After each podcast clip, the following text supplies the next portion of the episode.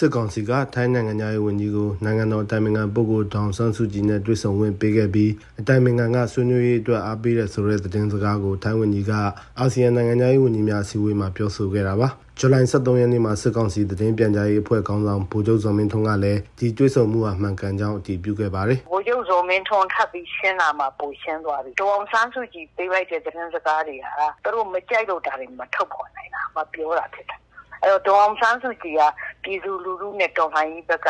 ရပ်ပုံရတယ်။စစ်တပ်အကြိုက်တော့မဟုတ်ဘူး။အဲဒါကြောင့်မလို့နိုင်ငံရေးဝန်ကြီးကတွေးခဲ့တယ်ကျမကြီးကောင်းတယ်စကားပြောခဲ့ရတယ်လို့ပဲပြောပြီးဒေါအောင်ဆန်းစုကြည်ဘာတွေပြောလို့လိုက်တယ်ဆိုတာအခုထိထုတ်ဖို့မပြောနိုင်တာဖြစ်တယ်။သူတို့မှရွေးချယ်ပြန်ကနေပြီးတော့တော်တော်ကြီးကိုအခက်အခဲအကြက်တဲတွေ့ဖြစ်တယ်။နိုင်ငံရေးရစိတ်သက်ရကျမတို့ကအပေါ်စီးတော့ရတာနေပါရုပ်ဘောကအရာပါအပေါ်စီးရဖို့အတွက် ဆက်ပြီးတော့ကျမတို့ပြည်သူတွေနည်းနည်းနဲ့လှုပ်ရှားရှိရလို့ရပါပေါ့ဗျာ။အာဆီယံအစည်းအဝေးတွေမှာမြန်မာအရေးကိုဦးစားပေးဆွေးနွေးနေတယ်ဆိုပေမဲ့ဒေသတွင်းဖြစ်လာတဲ့နိုင်ငံရေးအရှုပ်ထွေးမှာသူတို့အကျိုးစီးပွားကာကွယ်နိုင်ရေးကိုအဖွဲ့ဝင်နိုင်ငံတွေကပိုဦးစားပေးတဲ့အခြေအနေကြုံတွေ့နေရတယ်လို့မြန်မာအရေးလေ့လာသူတွေကပြောပါတယ်ပထဝီနိုင်ငံရေးအရမြန်မာပြည်တွင်းစစ်ရေးအခြေအနေပိုဆိုးလာရင်သူတို့ပေါ်တက်ရောက်လာမဲ့တရားမဝင်နယ်စပ်ဖြတ်ကျော်မှု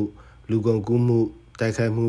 မူရစ်စေဝါစတဲ့ဘေးထွက်ဆိုးကျိုးတွေရှိနေတယ်လို့လည်း ထိုင်းနိုင်ငံသားရေးဝန်ကြီးကထုတ်ဖော်ပြောဆိုထားပါတယ်။ဗမာပြည်နဲ့ကပ်နေတဲ့နိုင်ငံတွေပေါ့နော်။ကမ္ဘောဒီးယားတို့လာအိုတို့ထိုင်းတို့ကြတော့သဘောထားတစ်မျိုးရှိနေတာပေါ့နော်။အဲခဝေးဝေးရနိုင်ငံတွေကြတော့သဘောထားတစ်မျိုးရှိနေတယ်။ကမ္ဘောဒီးယားတို့လာအိုတို့ကြတော့တရုတ်နဲ့ယင်းကြီးကဖြစ်တော့တရုတ်ရဲ့သဘောထားတစ်စုံကြည့်ရက်ခတ်မှာပေါ့နော်။မလေးရှားတို့လိုစင်ကာပူတို့လိုအင်ဒိုနီးရှားတို့ဖိလစ်ပိုင်တို့လိုကြတော့အမေရိကန်နဲ့နီးစပ်တဲ့အခါကျတော့အမေရိကန်ရဲ့သဘောထားအဲ့လိုဟာမျိုးတွေလည်းရှိနိုင်တယ်တ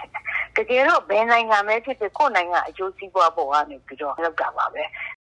မြန်မာရေးဖြည့်ရှင်မှုအာဆီယံကချမှတ်ထားတဲ့ဘုံသဘောတူညီချက်၅ရပ်ကိုစစ်ကောင်စီကမလိုက်နာခဲ့တာနဲ့အာဆီယံဖွဲ့မြန်မာရေးပေါ်မချင်းကပ်နိုင်သေးတဲ့အခြေအနေတွေပေါ်မှာနိုင်ငံတကာကစိုးရိမ်မကင်းဖြစ်နေပါတယ်။အာဆီယံဖွဲ့ဝင်တွေကြားမှာမြန်မာရေးနဲ့ပတ်သက်လို့သဘောထားကွဲပြားနေပြီးအာဆီယံစီဝေးမတိုင်ခင်မှာထိုင်းဆိုရကမြန်မာနိုင်ငံသားရေးဝန်ကြီးကိုထိုင်းနိုင်ငံစီကိုဖိတ်ပြီးအလွတ်သဘောဆွေးနွေးတာ ထိုင်းနိုင်ငံသားရေးဝန်ကြီးကိုနေပြည်တော်အထိဆေလွတ်ပြီးဒေါန်ဆန်းစုကြည်နဲ့တွေ့ဆုံစေခဲ့တာတွေပြုလုပ်ခဲ့ပါတယ်။ အာဆီယံဘက်ကတော့ထိုင်းဆိုရရဲ့လှုပ်ဆောင်မှုတွေကိုတိုးတက်မှုအဖြစ်အပြုသဘောမှတ်ချက်ပေးထားပေမဲ့အာဆီယံမူ၅ချက်ကိုကင်ဆယ်ပြီးအာဆီယံဥက္ကဋ္ဌနဲ့ပူးပေါင်းလှုပ်ဆောင်မှုထိုင်းဆိုရကိုတိုက်တွန်းပြောဆိုခဲ့ပါတယ်။အာဆီယံအတွင်းမှာတကယ်မြန်မာအရေးနဲ့ဆိုင်တဲ့ကိစ္စကိုဖြေရှင်းဖို့အတွက်ဒီရဲ့ဆန္ဒသဘောရည်တည်ချက်ပုံစံမျိုးနဲ့ထွက်လာဖို့အင်မတန်ခက်တယ်။အခုထွက်ထားတဲ့5 point consensus ဆိုတဲ့ဟာလည်းပြန်ကြည့်မယ်ဆိုစစ်ကောင်စီနဲ့ပဲတွေ့ရောသူတို့ဆုံးဖြတ်ချက်ချလာတဲ့ဟာဖြစ်တယ်။အဲ့လိုမျိုးဆုံးဖြတ်ချက်ချလာတဲ့ဟာကလည်းအင်မတန်ရည်ရည်ရဆန်တဲ့ဟာပေါ့နော်မြန်မာနိုင်ငံရေးသမိုင်းအစဉ်လာပြီးွားရင်ပါဝင်ပတ်သက်တဲ့အစုအဖွဲ့တွေရဲ့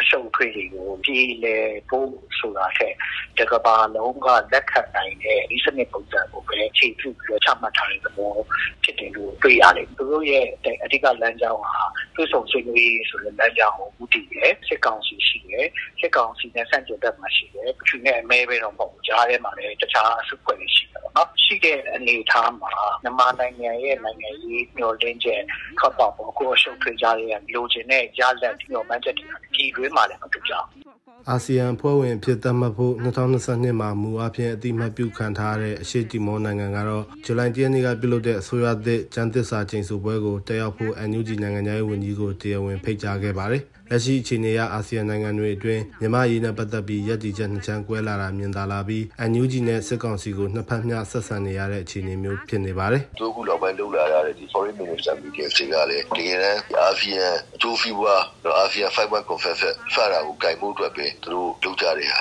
ဒါဒီကြားထဲမှာဒီထိုင်းက move forward party ကတကယ်နိုင်သွားမယ်ဆိုလို့ရှိရင် humanitarian corridor လို့ပါဝင်တော်လိုင်း ARV အတွက်ကိုအများကြီးကူညီအထောက်အကူဖြစ်နိုင်မယ့်အနေအထားတွေရှိတယ်ဒါပေမဲ့အခုလည်းသူတို့ပါတီကလည်းအခြေအနေကဘာမှမသိမြင်ရသေးတဲ့အခါကျတော့ကျွန်တော်တို့ကအိန္ဒိယကောင်းတွေရှာမထားတဲ့တော်လိုင်းကြီးလုပ်နေရတဲ့အနေအထားလိုပဲတုံးတက်မှာပါပဲမြန်မာရေးအတွက်တိုက်တွန်းထားတဲ့ဘုံသဘောတူညီချက်၅ချက်ဟာပြဿနာဖြေရှင်းမှာအဓိကကျသလိုဒီချက်တွေကိုဆက်လက်ကင်ဆွဲတော့မှဖြစ်ပြီးဒီချက်တွေအကောင့်ထဲပေါ်လာအောင် ဝိုင်းဝန်းကြိုးပမ်းမှုအဖွဲ့ဝင်နိုင်ငံအလုံးသဘောတူခဲ့တယ်လို့အာဆီယံနိုင်ငံသားဝန်ကြီးတွေရဲ့အစည်းအဝေးအပြီးထုတ်ပြန်ချက်မှာဖော်ပြပါတယ်။အဲ့ဒါအပြင်မြန်မာနိုင်ငံတွင်းသက်ဆိုင်ရာအဖွဲ့အစည်းတွေအနေနဲ့အကြံဖတ်မှုအလုံးရပ်တန့်ပြီးခိုင်ရန်ဖြစ်စေမဲ့လုပ်ရက်တွေအလုံးကိုရှုံချဖို့လူသားချင်းစာနာမှုအကူအညီတွေပေးနိုင်ရေးအတွက်အခြေအနေတရဖန်တီးကြဖို့အလုံးပါဝင်တဲ့တွေ့ဆုံဆွေးနွေးရေးဖြစ်လာဖို့စတဲ့ချက်တွေကိုအာဆီယံနိုင်ငံတွေရဲ့ကြီးညာချက်မှာဖော်ပြထားပါတယ်။ကျွန်တော်တုဒ္ဒချမ်းသာပါ။